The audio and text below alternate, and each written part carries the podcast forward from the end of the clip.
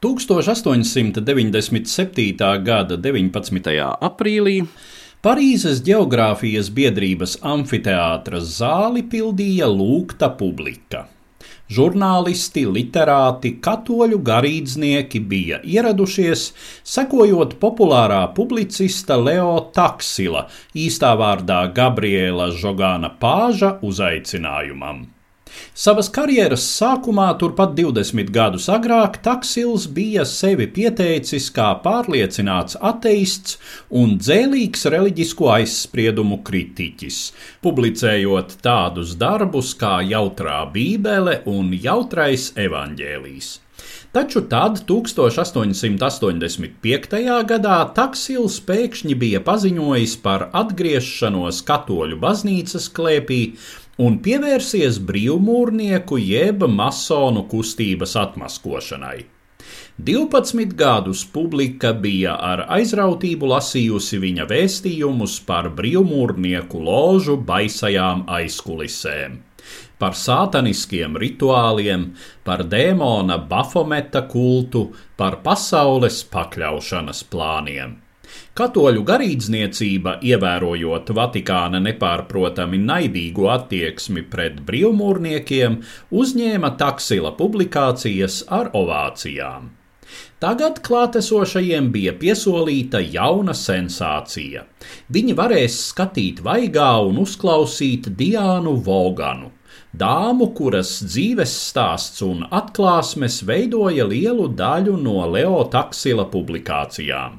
Šajās grāmatās viņa figurēja kā izbijusi augstākās luciferisko brīvmūrnieku jeb pallādisma ložas priesteriene, kas atgriezusies pie īstenās ticības un tagad atklāja savu kādreizējo domu biedru noslēpumus. Tomēr sanākšana izvērtās gluži citāda nekā gaidīts. Leo Taksils uzrunādams klātesošos pauda: Nedusmojiet mani svētie tēvi, bet smejiet no sirds, kad tagad jums saku, ka viss notikušais ir gluži pretējs jūsu gaidītajam.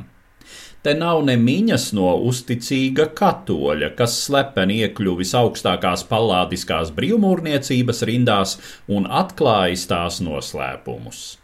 Te gluži pretēji ir brīvdomātājs, kurš ieradies jūsu nometnē un veselus 12 gadus te rādījis savu teātri, un tas ir jūsu padevīgs kalps. Tātad 12 gadus Leo Taksils bija vazājis aiz deguna tos, kuri bija gatavi uzķerties uz viņa sensacionālo izdomājumu āķa un ticēt sazvērestības teorijām. Deviņus gadus pēc uzstāšanās Parīzes geogrāfijas biedrībā Taksils kādā intervijā esot sacījis: Sabiedrība padarīja mani par to, kas esmu, par sava laika dižāko meli jo, kad es uzsāku rakstīt pret brīvmūrniekiem vērstos tekstus, mans mērķis bija tikai un vienīgi uzjautrināties. Noziegumi, kuros es viņus vainoju, bija tik groteski, tik neiespējami un tik ļoti pārspīlēti, ka ikvienam taču vajadzēja saskatīt te joku un godāt mani kā jauna humora žanra aizsācēju. Bet mani lasītāji tā nedomāja. Viņi pieņēma manas pasakiņas kā svētu patiesību, un jo vairāk es meloju, nolūkā beidzot likt viņiem saprast, ka es taču meloju, jo viņi nostiprinājās savā pārliecībā, ka es esmu pats ticamības paraugs. Ak, cik gan jautru vakaru es nepavadīju kopā ar saviem līdzautoriem, izperējot ar vien jaunus sižetus, jaunas, neiedomājamas patiesības un loģikas kroplības, cenšoties cits citu pārspēt mistifikāciju ražošanā. Brīžiem man šķita, es nobeigšos no smiekliem par kārtējo priekšlikumu, bet tas viss gāja cauri. Ļaužu muļķībai nav robežu. Var vien piebilst, ka arī mūsdienās var atrast tekstus, kuri pilnā nopietnībā atsaucas uz Leo Taksila atklājumiem. Un nevien dzeltenajā presē, bet arī darbos, kas pretendē uz nopietnu pētījumu statusu. Stāstīja Eduards Liniņš.